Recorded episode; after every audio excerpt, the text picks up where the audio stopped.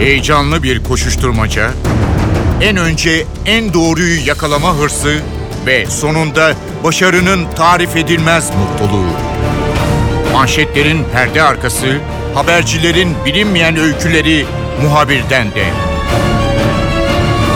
Muhabirden şimdi başlıyor.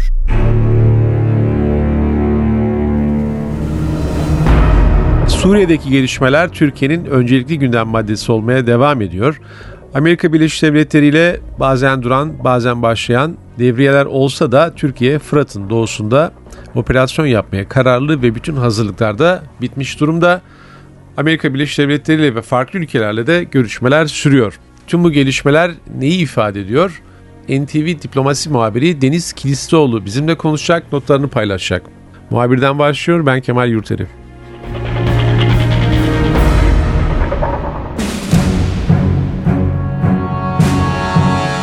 Deniz gündemde yine Suriye var. Ee, Türkiye Fırat'ın doğusunda operasyon yapmaya kararlı. Bunun için birçok nedeni var. Öncelikli olarak e, Türkiye'deki e, Suriyelilerin yerleştirilmesi çok öncelikli bir gündem maddesi haline gelmiş gibi duruyor. İkinci olarak oradaki terör yapılanması, isterseniz oradaki Kürt gruplar olsun, istersen PKK ile bağlantı olsun her koşulda orada böyle bir Kürt yapılanmasını Türkiye tehdit olarak algılıyor. Ve diğer ülkelerin o coğrafyadaki, o bölgedeki bir takım projeleri var. Türkiye buna da mani olmaya çalışıyor. Belki kısa bir özet daha iyi olacak. Fırat'ın doğusu hangi konu görüşmelere konu edildi? Şu an Türkiye için önemi nedir? Ee, ve Türkiye'nin bu konudaki politikası nedir? İstersen oradan başlayalım. Daha sonra ben önümüzdeki günlerde ne yapılabilir?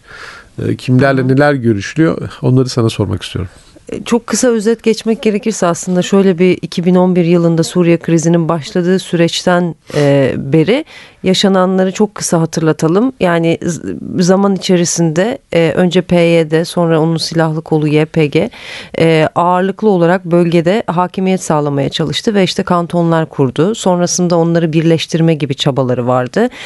Zamanında yapılan, geçmişte yapılan operasyonlarla bunun yani orada oluşturulan ki biz Suriye krizinin başından itibaren bu e, YPG ya da PYD koridorunu kırma e, çabasını gösteriyordu Türkiye. Hep söylenen şeydi. Onu kırmak için belli operasyonlar yapıldı ve bugün gelinen e, nokta itibariyle tabii e, Fırat'ın doğusunda tamamen boylu boyunca var olan bir YPG varlığından bahsediyoruz.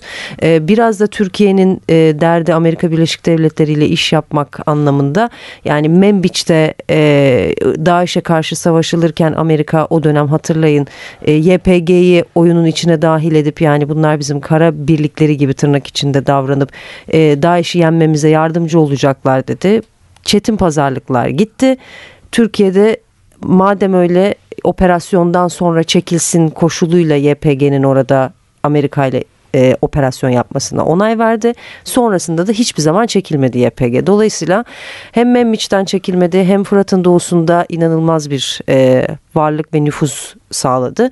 Dolayısıyla Türkiye artık e, o koridoru kırmak istiyor ve bu sebeple de Amerika ile bir şekilde görüşmelere başlandı ama çok da sağlıklı gitmiyor. Rusya ile olan görüşmeler e, sence tamamen Türkiye'nin istediği şekilde mi yürüyor yoksa e, genel olarak e, gördüğümüz kadarıyla Rusya kendi bildiğini yapmaya devam ediyor Suriye ile beraber. Türkiye bazen Rusya ile bazı noktalarda kesişiyor sonra tekrar ayrışıyorlar gibi duruyor veya hakikaten de bir sahada birliktelik söz konusu mu Türkiye ve Rusya arasında? Yani şöyle en başından beri çok zor bir dengeydi bu. Yani bir tarafta Amerika ki muhalefetin de şu anda eleştirisi Fırat'ın doğusunda Amerika ile batısında Rusya ile iş tutuyorsunuz e, şeklinde bir eleştiri var ama en başından beri zaten bu denge çok zor bir dengeydi. Özellikle Rusya sahaya girdikten sonra 2015 yılından sonra hiçbir zaman e, tam bir mutabakat, tam bir görüş birliği içerisinde Rusya ile zaten ilerlenemedi. Ben en başından beri hep şeyi düşünüyorum ve söylüyorum. Gerçekten e, Putin böyle sağda ilmek ilmek ederek e, kafasındaki projeyi bir şekilde Suriye'de hayata geçirdi. E, adım adım Esad'ı e, siyasi sürece ve masaya, diplomasi masasına oturttu ki başlarda Esad olmayacak deniyordu. E, en azından o çaba vardı. Dolayısıyla e, son olarak da İdlib meselesinde e, bir şekilde orada ateşkesin sağlanması için bir çaba gösterildi ama e, o ortaklaşa yani kim teröristtir, kim değildir, kim muhalif, kim değil bunlar konusunda uzlaşma sağlanmadıkça sahada zaten tam bir işbirliği olamayacaktı. Tam bir birliktelik olamayacaktı. Dolayısıyla Rusya ve Türkiye'nin zaman zaman görüş ayrılıkları yaşaması e, Rusya'nın işte bir şekilde e, muhaliflerden bize saldırılar oluyor Esad rejimine oluyor. Dolayısıyla o da ona karşılık veriyor şeklinde savunduğu şeyi. Türkiye'de işte orantısız güç kullanılıyor. E, muhalefet, ılımlı muhalefet de orada eziliyor şeklinde yürüttü. Dolayısıyla hiçbir zaman ortak bir yüzde yüz mutabakatla yürünmüş bir Rusya-Türkiye ilişkisi de Suriye sahasında olmadı aslında. Amerika Birleşik Devletleri biraz ortak devriye konusunda Türkiye'nin isteklerini gerçekleştirmiş gibi duruyor. Daha doğrusu e, belki onlarca isteği içerisinde bu ortak devriye konusu biraz gündeme gelmiş gibi. Belki Türkiye'de bu fırsatla e, o bölgedeki e, Kürt grupların neler yaptıklarını da gözlemleme fırsatı buluyor. Bu devriyelerle beraber yani devriyeler sürdüğü sürece biz Türkiye'nin o bölgeye yönelik politikasının daha doğrusu geniş kapsamlı bir operasyonun öteleneceğini Amerika ile beraber devriye yaptıkları sürece e, operasyon kararını yaşama geçirmeyeceğini söyleyebilir miyiz? Ama farklı görüşler de olabilir, değerlendirmeler de olabilir. Yani şöyle bir oyalama taktiği e, Amerika güdüyor şeklinde bir görüş en başından beri var. 7 Ağustos'ta e, bu e, mutabakata yani 5-7 Ağustos görüşmeleri sonrası varıldı. Ama geçmişte bir Membiç mutabakatı uygulanmayan e, mutabakatın olduğunu biliyoruz. Yani Amerika bir şekilde e, Türkiye'yi biraz e, sınamaya çalışıyor gibi bir algı var. Yani e, YPG'ye yani bir şekilde kara gücü olarak Suriye içinde kullandığı YPG'ye karşı Türkiye'yi Türkiye'nin bir operasyon yapmasını, Türkiye'nin bir müdahalede bulunmasını istemeyen Amerika bu tip böyle ayak oyunlarıyla işte ortak devriyelerle, helikopter uçuşlarıyla falan sanki bunu zamana yayarak Türkiye'yi alandan e, uzaklaştırmaya çalışıyor. Ama Türkiye'nin de her zaman söylediği şey ki biz bunu Afrin operasyonunda da görmüştük. Hani içeri girilebilir mi girilemez mi? Amerika'nın ya da Rusya'nın onayı olmadan Türkiye bir operasyon yapabilir mi yapamaz mı?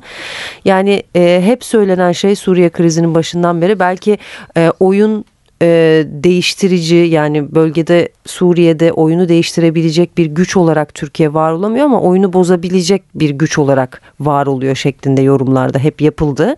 E, söylenebilecek şey şu e, Türkiye'nin ısrarını gördükçe bir şekilde diplomasi masasında YPG'ye de tamam siz de biraz aşağı gidin, siz de biraz daha çekilin şeklinde Amerika'nın bir baskı unsuru olarak dönmesi gibi bir e, durumda söz konusu olabiliyor. Dolayısıyla aslında masadaki görüşmeler biraz sahadaki gerçeklere de e, dönüşebiliyor. Ama Türkiye açısından şu çok son derece net. Amerika Birleşik Devletleri yine oyalıyor.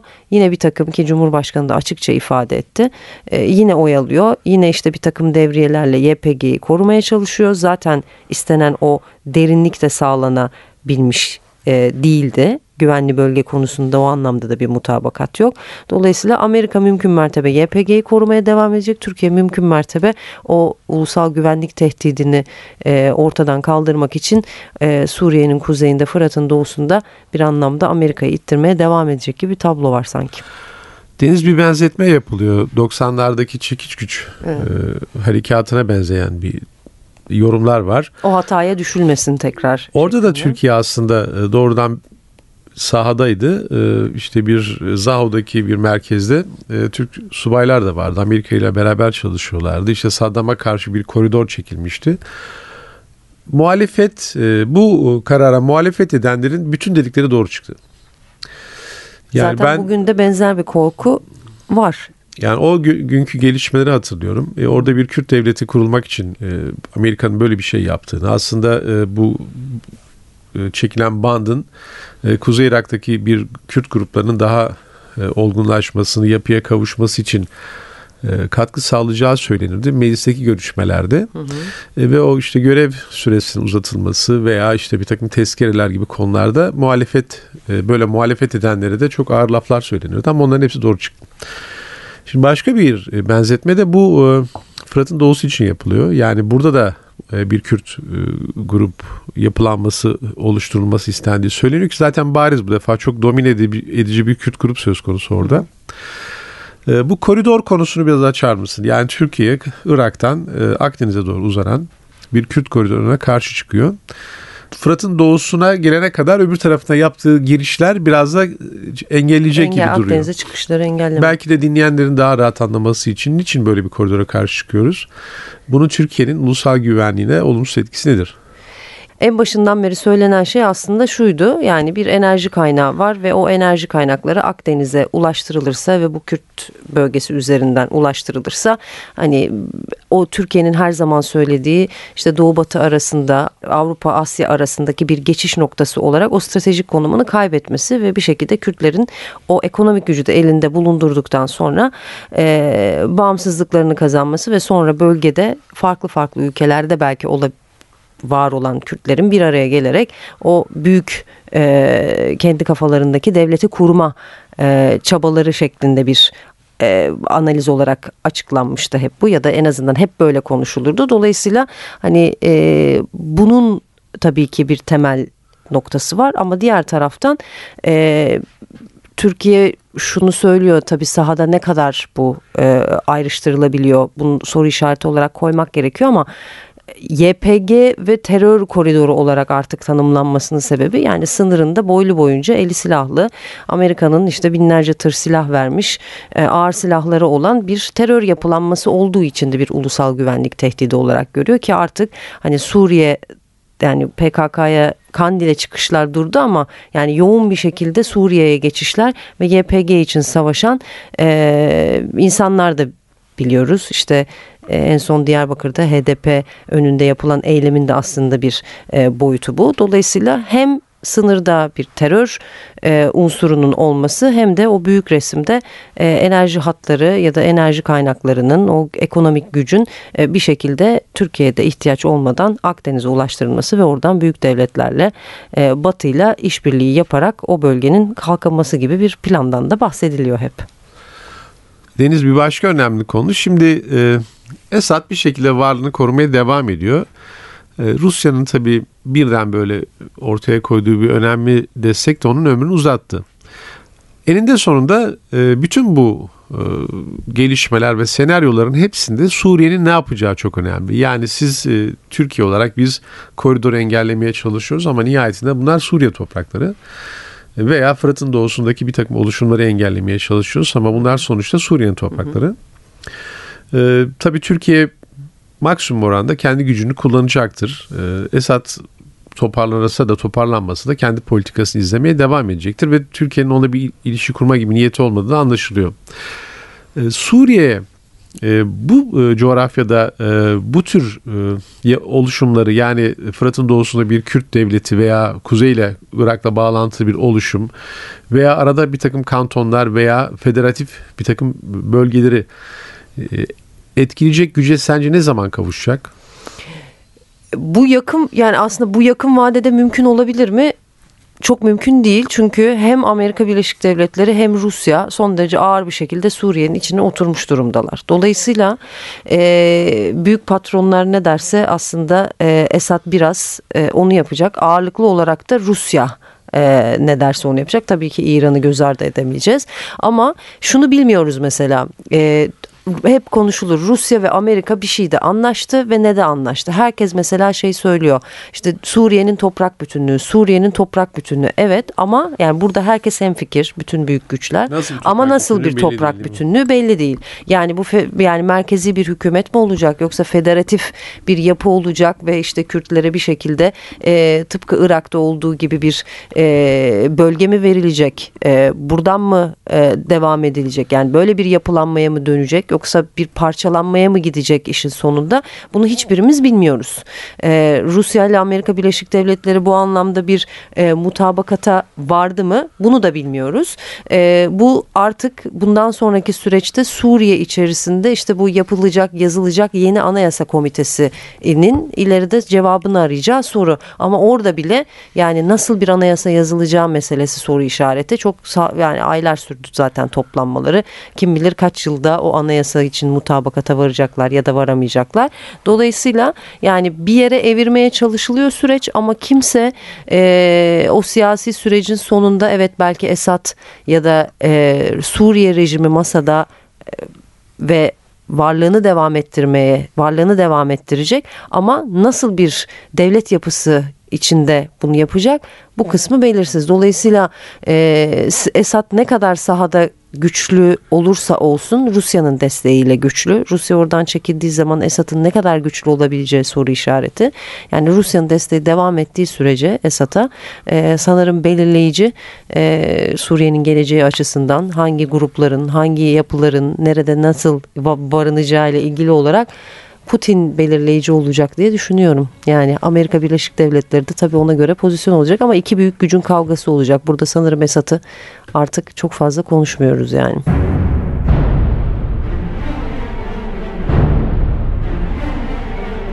NTV diplomasi muhabiri Deniz Kilisoğlu'nun Suriye'deki gelişmeler ilişkin notları böyleydi. Ben Kemal Yurteri muhabirden de yeniden görüşmek üzere. Hoşçakalın. Haber için değil de haberin hikayesi için şimdi onlara kulak verme zamanı. Muhabirden NTV Radyo'da.